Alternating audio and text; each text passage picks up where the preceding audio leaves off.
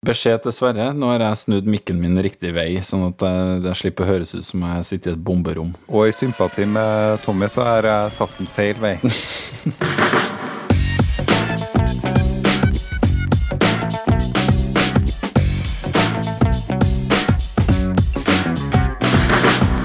Du hører på Psykologlunsj, populærvitenskapelig lunsjprat med psykologene Tommy, Jonas og Jan Ole.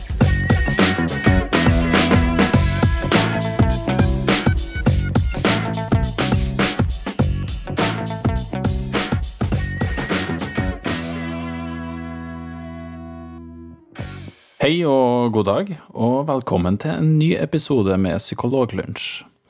Mitt navn er Tommy Mangerud, og med meg i dag så har jeg som alltid Jan Ole Hesseberg og Jonas R. Våg. Og jeg antar at dere har det helt ok? Jeg har det helt ok. Bor i Drøbak. Alltid bra i Drøbak. Og Jonas har jo vært i varmere strøk, så du må jo ha det kjempefint. Ja da. Eller det var kanskje ikke så fint nå som du hadde når du var i varmere strøk? Kanskje ikke så fint nå, det var jo masse snø da jeg kom tilbake, men eh, jeg var på Gran Canaria, da. Føltes som Norge, det òg. Det var Tour de Ski på alle barene bortover eh, på stranda. Ja. Var det det? Det var det, altså. Jeg var jo Gran Canaria i, eh, eller på Gran Canaria i fjor, Ja. i mai. Var det mange syklister der nå, Jonas? Eh, nei. Én, så Var det ikke? Jeg så én. Det var én, ja. Ja. Ok. Eh, Én, og han uh, sykla til puben og så Tour de Ski. Så det var sikkert en nordmann. Mm. Ja, Var det mye syklister til deg, det det du sier? Nei, men uh, jeg liker jo å sykle selv, og Gran Canaria på dette tidspunktet er jo egentlig litt sånn drømmested for uh, syklister. Mm. Ja. Så det er ganske mange sykkelklubber og sånn som legger sånn ukestur til Gran Canaria. Kanskje ikke nå helt rett etter nyttår, men uh, nå begynner de å dra dit. Mm. ja. Det kan jo hende at uh, kanskje, Det handler jo om været, da, vet du. Det handler om vær og pent vær og sånn. Men Ja. kanskje Bakker og Men kanskje litt sånn som uh, For eksempel da jeg fikk unger, så la jeg jo fortere merke til at det er veldig mange andre som har unger. Mm. At uh, det er litt sånn selektiv oppmerksomhet og selektiv persepsjon. At du, du på en måte får med deg mye enklere at det er syklister rundt deg.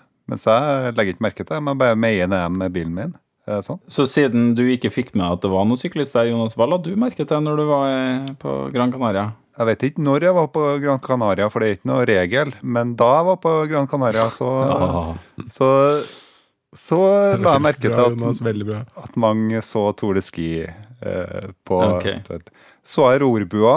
Rorbua var jo en egen restaurant på den eh, eh, Da ble Jonas glad.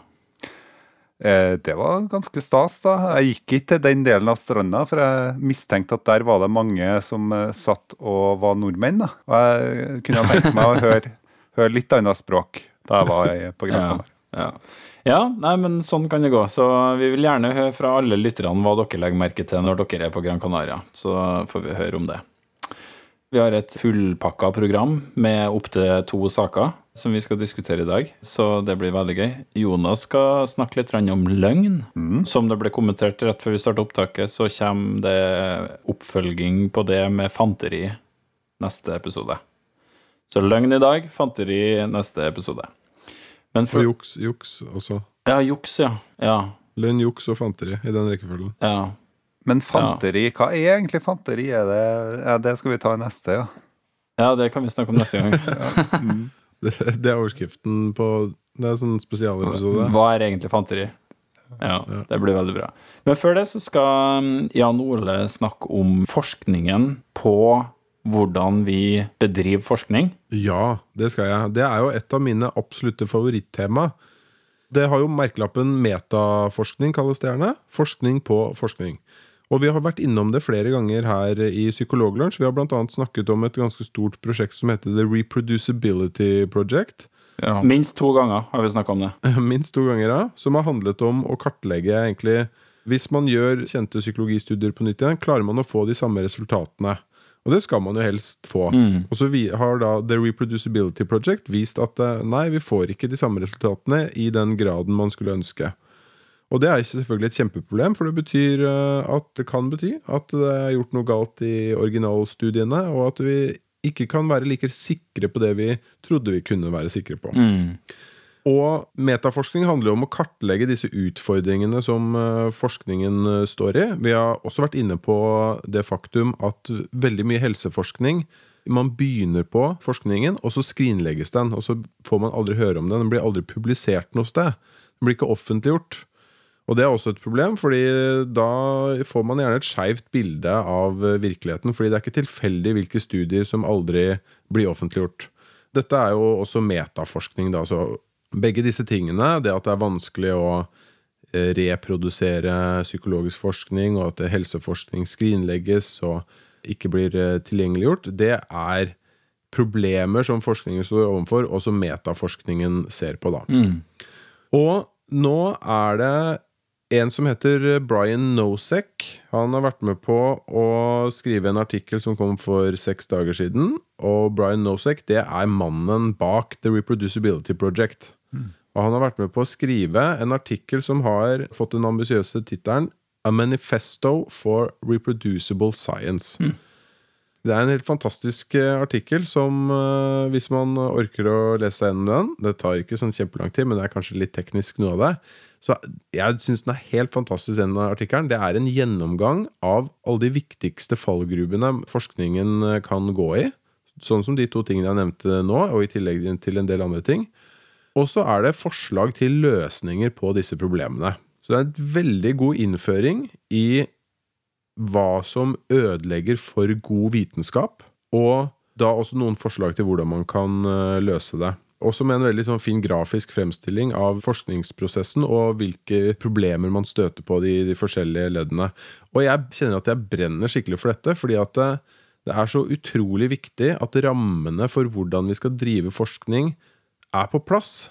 For hvis ikke de er på plass, så kan vi ikke stole helt på utfallet av forskningsprosessen. Mm.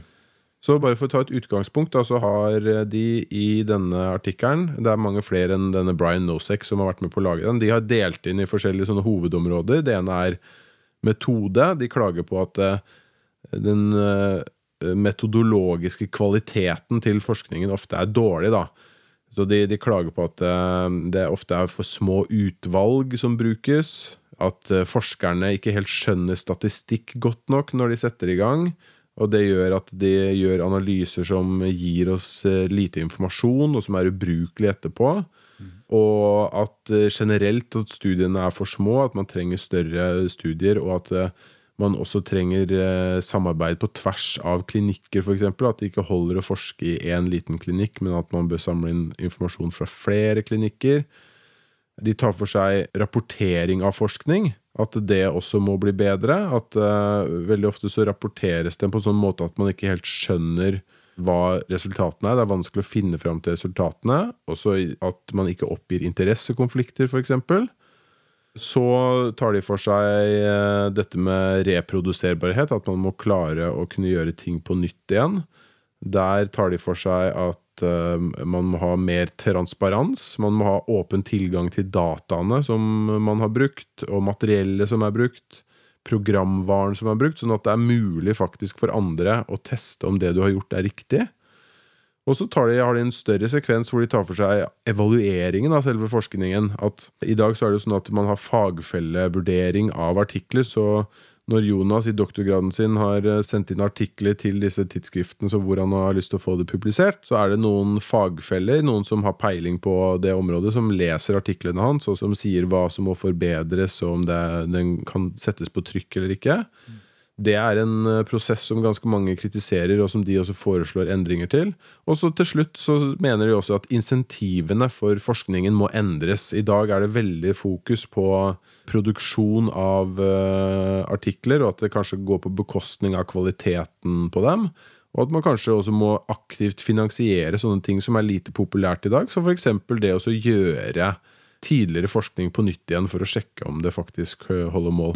Så denne artikkelen her den er eh, egentlig en gjennomgang av det aller viktigste du trenger å vite innenfor eh, dette området. Og min spådom det er at eh, denne artikkelen her kommer til å sette litt spor, og sette en slags sånn standard for det arbeidet videre, som vi helt sikkert kommer til å se her i Norge også. Jeg vet ikke hva dere tenker om det, gutter, når dere hører om den artikkelen. Altså, det er kanskje litt på sida, men eh, det minner meg bare på en ting som jeg har tenkt på så mange ganger før.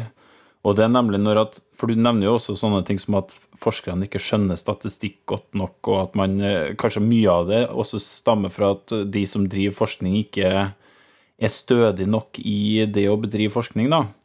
Og eh, en ting jeg har eh, tenkt så mange ganger over, det er når du har f.eks. psykologistudenter som går på universitetet og som skal lære seg å bli psykologer, så er det å få forskningskompetanse en del av utdanninga.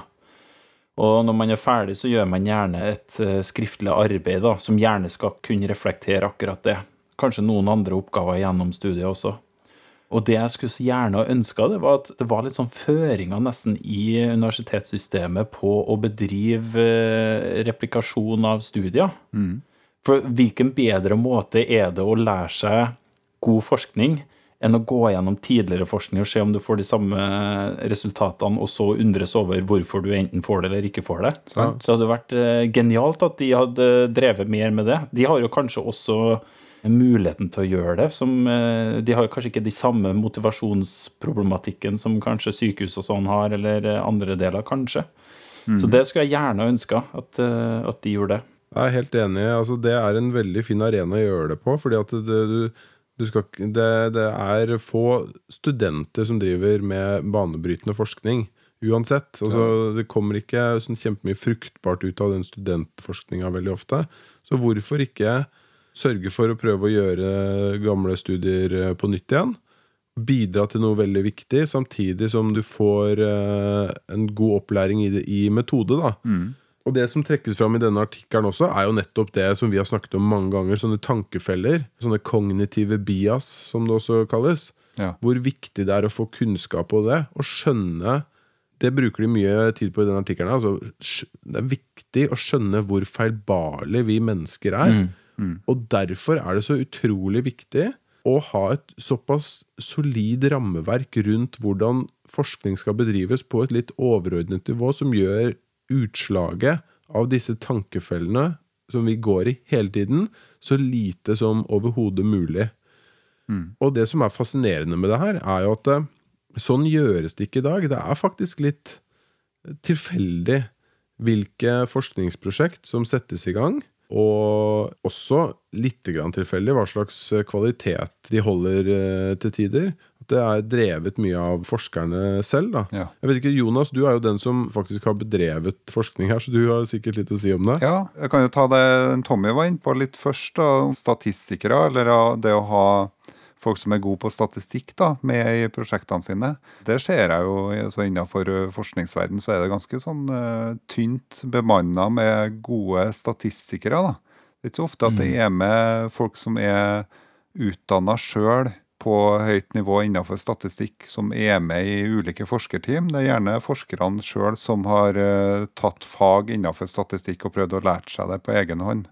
Så kanskje en sånn styrke med ulike typer prosjekt hadde jo vært å jobbe tverrfaglig med at man har hatt med en statistiker som kan mye mer om mm. fordelene og ulempene med metodikken. da. Og bare for å si det, så er det, det er en av de tiltakene de foreslår også, at man har med noen som er litt kobla fra resten av prosjektet, og som på en så uavhengig måte som mulig vurderer metoden og bruken av eh, statistikken. Ja.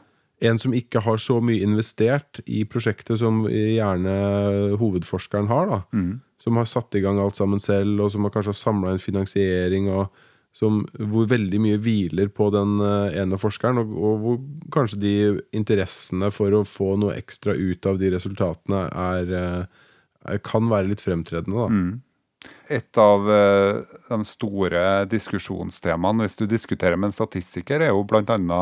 psykologien eh, ved selvrapportering. Altså når eh, den personen som blir undersøkt, rapporterer sjøl. Gjerne på en skala da, fra én til fem, noe som kalles en Likert-skala. Om man f.eks. er meget uenig i noe, til man er meget enig i noe.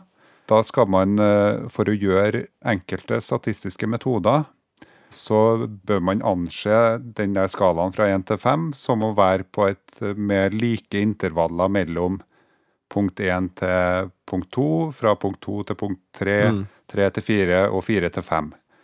Men så er det sånn at Ja. eh, når folk eh, rapporterer sånne ting, så tolker man det sjøl på egen hånd, og det er forskjeller mellom hvordan folk tolker det å være meget enig til det å være eh, litt enig til å være enig til å være eh, meget uenig. Så mye av psykologisk forskning er egentlig tufta på at vi bruker statistiske metoder som egentlig er basert på f.eks. blodprøvesvar eller temperaturmål, eller, eller Ja. eh, mål som egentlig er sånn, sånn på intervall. Men i psykologien så har vi liksom tatt det litt for gitt, da. At det er sånn. Ja, nei, Det er litt interessant eh, at du snakker om, for det du snakker om nå, er vel egentlig forskjellen på en sånn ordinalskala Ja, og en intervallskala. yes. Og det som brukes veldig mye i psykologien, er nettopp denne ordinalskalaen, som egentlig bare sier noe om posisjon. Mm. Akkurat som første, andre og tredjeplass. Mm. Det sier ikke noe om en andreplass er ikke halvparten så god som en førsteplass. Nei. Mm. Nå skal ikke vi gå så avansert innpå her, men så bruker vi statistiske metoder som om det er at det er på intervallnivå. da. Det er jo vanlig, men det er jo ikke helt uproblematisk alltid. Det er ikke det. Mm. Så det kunne vært sunt å ha hatt en statistiker som har kikka litt sånn forskninga i kortene. Samtidig som at eh, man må jo ha den fagkunnskapen også for å kunne gjøre gode prosjekter. Så et samarbeid mellom statistikere og f.eks. innenfor psykologifeltet og psykologer da, så hadde vært sunt for fagfeltet. Dette er jo noe vi kan snakke om kjempelenge, så vi skal ikke vikle oss altfor mye inn i det. Men en ting som de har mye fokus på i denne artikkelen også, det er at sånn ideelt sett så skal jo forskningsprosessen foregå sånn at du stiller deg et spørsmål, du lager en hypotese, og så lager du en test for hvordan du kan sjekke om den hypotesen har hold eller ikke. Og så skal du teste på den måten du har planlagt, og så skal du trekke en konklusjon. Men det som ofte gjøres, er jo at man har en hypotese, og så tester man, og så finner man kanskje ikke helt det man ønsker, og så tester man litt mer, og så finner man kanskje noe annet, og så endrer man litt på hypotesen, og man går litt sånn fram og tilbake mellom de forskjellige leddene i forskningsprosessen, som helst skal være litt sånn stadier som man går igjennom. Og det bruker de mye tid på. Det er et stort problem eh, i forskning generelt, at man, at man leter etter effekter i datamaterialet sitt. Og så kanskje finner man noe, og så endrer man på hypotesen og later som at det var egentlig det jeg alltid lurte på. Tommy? Ja, og jeg tenker da er du litt tilbake igjen til det der med å, å utdanne eller lære opp forskere godt nok òg. For eh, jeg tror sånn intuitivt så tenker man kanskje at ja, er det et problem, da? At man ikke skjønner hvorfor er det faktisk et ganske stort problem, når man faktisk får kunnskap om bl.a. hvor hyppig tilfeldigheter oppstår i statistikk, da. Ja. Og det, det er, tror jeg faktisk er en god del forskere som ikke helt uh, skjønner. Så en av tiltakene de foreslår, er jo rett og slett mye bedre opplæring i hva god vitenskap er. Mm. Uh, mye som tyder på at er ganske mange feil som er blitt gjort, som handler om nettopp det jeg snakka om nå, og så hvor forskerne rett og slett ikke har skjønt at det er et uh, problem. Men det andre de foreslår som et tiltak der også, som er veldig veldig viktig, og som er et viktig tiltak for flere problemer i forskningen, er at alle studier som skal gjennomføres, må registreres før man begynner på studiene. Så før du starter opp, så må du fortelle hva planen din er. Du må fortelle hva hypotesen din er, hvor mange mennesker du skal teste, hva du skal teste, hvilke undersøkelser du har tenkt å gjøre. Og så er det fullt mulig å endre det etterpå. Mm. Det er fullt mulig å si vi gjorde det vi hadde tenkt å gjøre, og så gjorde vi dette i tillegg. Men bare hvis man har sagt ifra på forhånd og registrert det på forhånd, så vet vi hva disse endringene er for noe. Og først da får vi en oversikt over hva som var planlagt å gjøre, og hva som man gjorde etterpå. Og bare da kan vi få et godt bilde av den forskningen som er gjort, og den kunnskapen som vi har høsta. Og dette her spår jeg det kommer til å skje ganske mange endringer der de neste 10-20-30 åra. For om 50 år så kommer vi til å se tilbake på den praksisen som er i dag, og tenke det er helt sinnssykt at vi kastet millioner, milliarder av kroner etter den eh, type forskning, tror jeg. Og det er jo ingen eh, Hva skal jeg si det, det er veldig vanskelig å tenke ut veldig mange gode grunner til at man ikke skal gjøre det. Ja. Altså Hvis du er forsker og sier nei, det vil jeg ikke gjøre, så tenker jeg da Ja. Det, er underlig, da. Et motargument er jo helt klart, om jeg tenker eh, hvis man skulle snudd på det i dag, og gjort alt dette i dag, er jo at det er mer byråkratisering. Ja, og så er det kanskje ett til. Jeg vet ikke, for jeg tenker meg at det alltid skal være åpent tilgjengelig, for du har jo selvfølgelig potensialet for at noen andre stjeler en god idé av deg og publiserer på det først, men samtidig da har du jo også dato på at du registrerte først, da. Absolutt. Ja, men sånne ting spiller selvfølgelig også en rolle. At deling av dataene, altså åpen publisering av forskningen, er ikke nødvendigvis et stort problem, for det publiseres jo i dag også. men Åpen publisering av dataene er jo protokoller og sånne ting. Da er det flere som er litt sånn skeptiske til. da. Men det bør jo også være sånn at hvis problemstillinga er viktig nok, så skal det jo ikke være noe farlig at to forskjellige forskerteam har forska på det samme. Nei. Tidsskriftene ønsker jo en sånn form for nyhetseffekt. At de ønsker å ta inn studier som gjerne har noe nytt ved seg. Men det bør jo egentlig være sånn at de problemstillingene vi forsker på, er såpass viktige at det er viktig å ha flere resultater som peker i samme retning. Altså flere publiserte studier som enten peker i samme retning, eller som motbeviser hverandre, og at begge blir publisert. da. Ja, det er jo eneste kan jo være at det blir krangel om hvem som skal ha Nobelprisen, da, hvis at uh, ideen uh, Det er et kjempestort Ja. det. Eh, og det, gutta, er faktisk en fin overgang til neste sak. Ja. Mm. Det er sant, det. Nettopp. Fordi Jonas, du skal snakke om løgn, og ikke fra hvilket som helst sted, har jeg skjønt. Nei, jeg har jo eh, gravd i arkivet fra i fjor, og så har jeg funnet tak i hvem var det egentlig som vant psykologiprisen innafor Ig Nobel, som vi også har vært inne på tidligere. Altså Ig Nobel er egentlig en pris som gis ut årlig til ulike forskere innafor ulike fagfelt. Hvor da Ig Nobel egentlig er en pris som går til studier som eh, får deg til å flire først, men som etterpå får deg til å tenke litt eh, gjennom hva du egentlig leste. Og Tommy har snakka en del om Ig Nobel tidligere, så vi har vært gjennom en uh, par-tre vinnere tidligere, tror jeg. Vi har det. Mm, ja, jeg tror det. Ja da. Blant annet eh, en norsk studie også, vet vi det? Ja, Sukke, ja. Ja. Var det ikke den? Det er flere norske vinnere. Ja, det er vel kanskje det. Det var også en nordmann som vant for å undersøke hva folk leverer urinprøvene sine i. Ja, det stemmer. Ja. Ja. Hvilken beholder, ja. Ja, og det som var mest vanlig utenom eh, sånne standardbeholdere, det var tomme tomatpuré. Tomatpuré. Ja, det er jo genialt. Da. Det er jo helt perfekt størrelse. Ja, jeg skjønner det godt. Jeg, jeg, jeg skal ikke ta den sesjonshistorien min. Men eh, jeg hadde en eh, Jeg hadde med meg urinprøve på sesjon eh, da jeg skulle inn i militæret. Eller jeg skulle sjekkes ut om jeg kunne være med i militæret eller ikke. Og jeg var den eneste som hadde med min egen urinprøve. Og det fant jeg da ut da jeg kom dit. Ja, dit. Så jeg helte over urinprøven på urinprøveavdelinga, da. Altså på do, egentlig, på den sesjonen der. Eh, Så hvis jeg, ferska, hvis jeg hadde blitt ferska i det, så regner jeg jo med at de trodde at jeg var en sånn person som ville lure meg unna da, hva de testa i den urinprøven. Ja. Men hva var årsaken til det? Var det fordi at eh, nei, jeg orker ikke stå der og bli stressa av å, Nei, jeg, å produsere? nei, det var en Du trodde alle gjorde Det det? var en komplett eh, misforståelse. Jeg, trodde alle gjorde det, og, og, og tok da feil. Hva? Har du ikke med din egen urinprøve? Og du kan se for deg, når du møter opp på sesjon, så er ikke det første du spør resten. Hvor har dere urinprøven deres? Har dere den i sekken? Går dere med den i lomma? Altså, det, jeg spurte ikke om det, altså. Det er veldig rart å stille spørsmål på den måten, hvor du stiller et spørsmål, og så kommer du med svarforslag. Hvor har du den? Har du den i lomma? Har du den i, hva har du den i? Har du den i en flaske? Tomatpuréboks? Du Det var faktisk jeg som var opphavsmannen bak den studien. vil jeg si.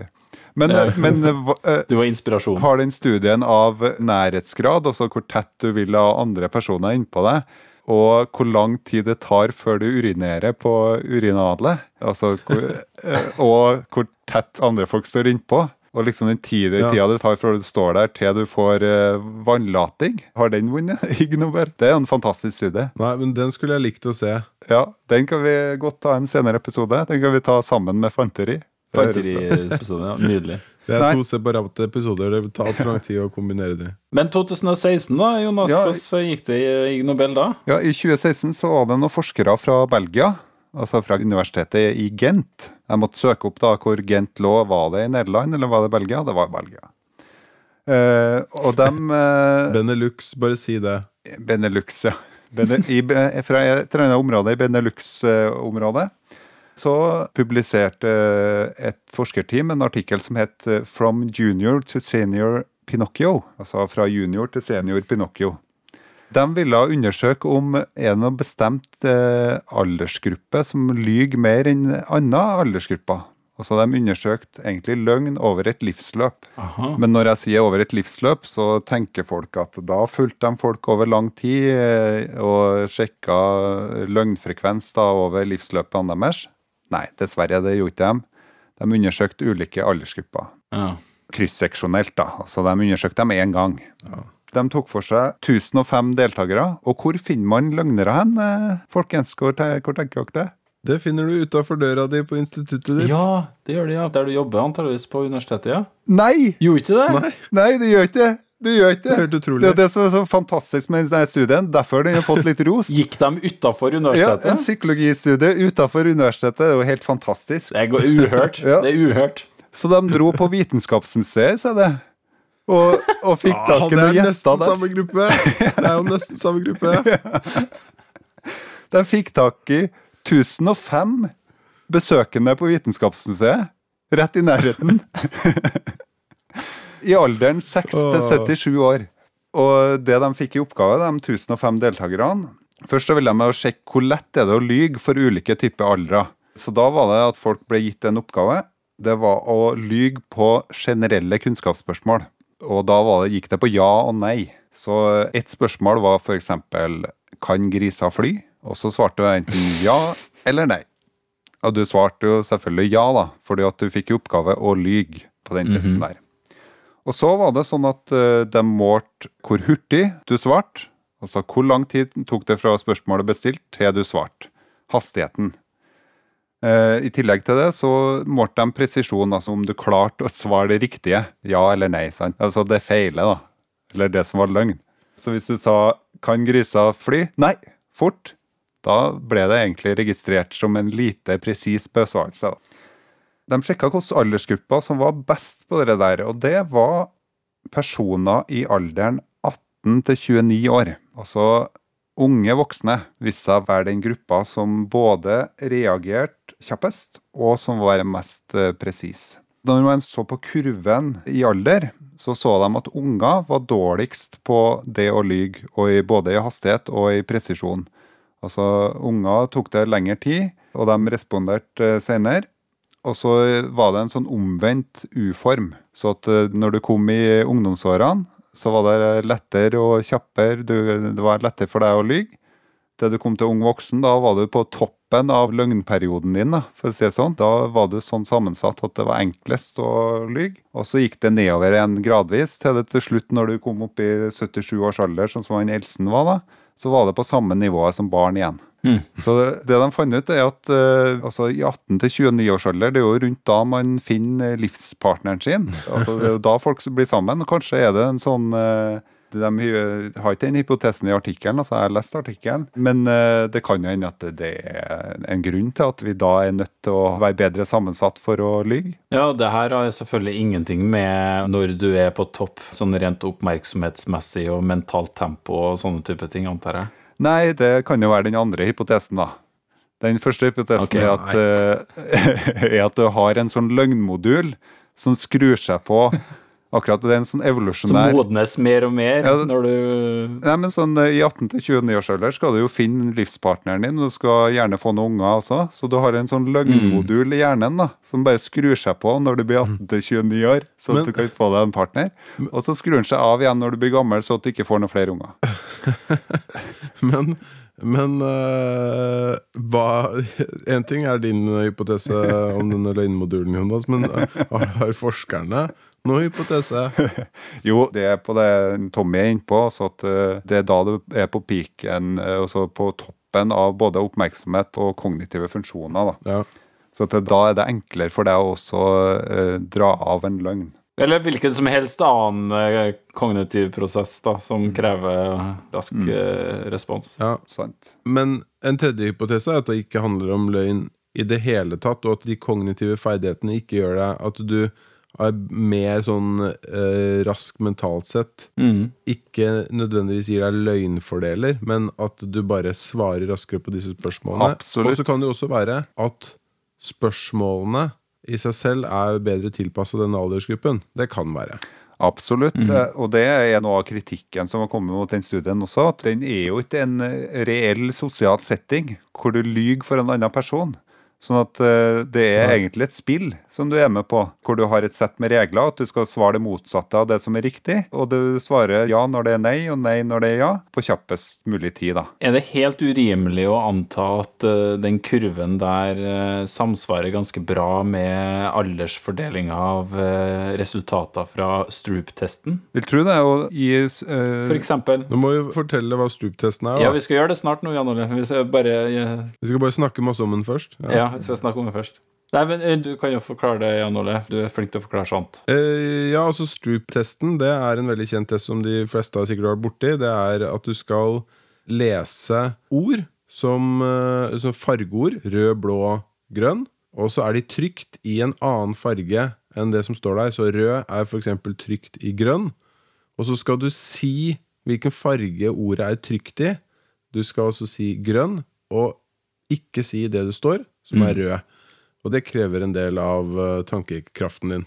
Ja, så Poenget mitt med det sant, var jo der at det er jo en sånn ting som krever at du stopper opp og inhiberer deg, eller stopper deg opp fra å så gi den første responsen, og så tenk deg bitte litt om, og så gi et annet svar. da. Så det kan være at de eh, kurvene er ganske like, kanskje. Men eh, det er bra at dere sier det, fordi at eh, de eh, undersøkte utvalget med noe som kalles for en stop signal task, altså en annen type test. Det de fant i den, var at der var ikke kurven uforma, men kurven gikk eh, fra barn så var den lavt, til ungdom så var den opp mot toppen, og så i ung voksen så var den helt på topp. Og så vedvarte den. Oh, ja. Altså Den gikk ikke nedover ettersom du blir voksen.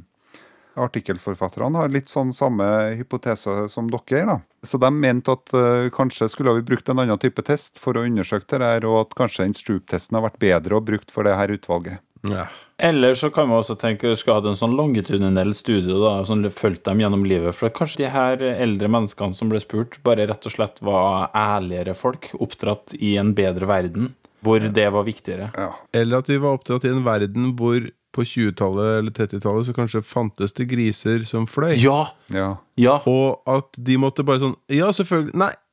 Å, det, Og så må de tenke seg om. Nå finnes det jo ikke lenger griser Nei, som kan fly. dødd ut. Nei. De. Og så da bruker de litt ekstra lang tid på det svaret. Det er Ja, sant. og hvis du har gått enda litt lenger tilbake, så hadde du spurt har elefanter hår. Og så er det noen som sier ja, ja, nei, nei, de har dødd ut. Det er akkurat det samme, Jonas. Men eh, en, en, en siste fun fact da fra den studien det var at de undersøkte også Alle deltakerne ble spurt eh, hvor mange løgner har du fortalt de siste 24 timene. Og da fant de ut at Kjempepålitelig mål, antakeligvis. Og da fant de ut at gjennomsnittet av 1005 deltakere da var på to løgner i løpet av de siste 24 timene. ja, det er løgn. Mens det hos tenåringer var tre løgner i løpet av de 24 timene. Det de fant, da, merkelig nok, var at eh, det var 50% som sa at de ikke hadde eh, hatt en løgn i hele tatt i løpet av de siste 24 timene. Mens den andre halvparten, eh, der var det vesentlig flere. Og så var det en liten sånn en del sånn outliere, altså en liten gruppe med mennesker som sa at de hadde løyet en god del. Så at de dro opp gjennomsnittet på et vis. Ja. Og dem var jo kanskje dem som uh, svarte ærligst på det spørsmålet, da. Vil jeg tro. Det er mange lag eh, her, fordi det burde man egentlig sammenligne med aldersgruppe igjen. ikke sant? Sånn at Hvis man da mener at det er gruppen mellom 18 og 29 som lyver mest, så må jo de også lyve om hvor mye de lyver. Mm. Så Det da må kanskje Ja. Sant? Nei, dette, dette kommer vi nok ikke i mål med sånn uten videre, nei. Nei. Og hvis noen lurer på hva en løgn er, så er det å fortelle en påstand som er usann, når du vet at den er sann. Og Men nå begir vi oss ut på eh, filosofi, eh, her. Fordi jeg kan også si noe som er sant, men som likevel oppfattes som en løgn. Ja. Så jeg kan komme hjem fra jobb og ha vært sammen med Tommy på jobb, og så kan jeg si til eh, min eh, kjære Gunhild kan jeg si Du vet hva, Gunhild? I dag var ikke Tommy full på jobb. Sant? Eller jeg kunne ha sagt at uh, i dag var vi alle edru på opptak. Det kunne du ha sagt. Det impliserer jo noe, eh, Jonas. Ja, det gjør det. Så det, er, så det er ikke helt sannferdig å si det, da. Høres ut som eh, det er på tide å pakke sammen matpakken og runde av lunsjen for i dag. Og skru på korka på flaska. Skru på korka på flaska og pakke sammen eh, for i dag. Vi gleder oss kjempemasse til neste opptak, som da vil være en episode med temaet fanteri. Vi gleder oss til det. Fanterikavalkade. Fanterikavalkade, ja. Det blir bra. Men fram til da så får dere ha et par fine uker, folkens.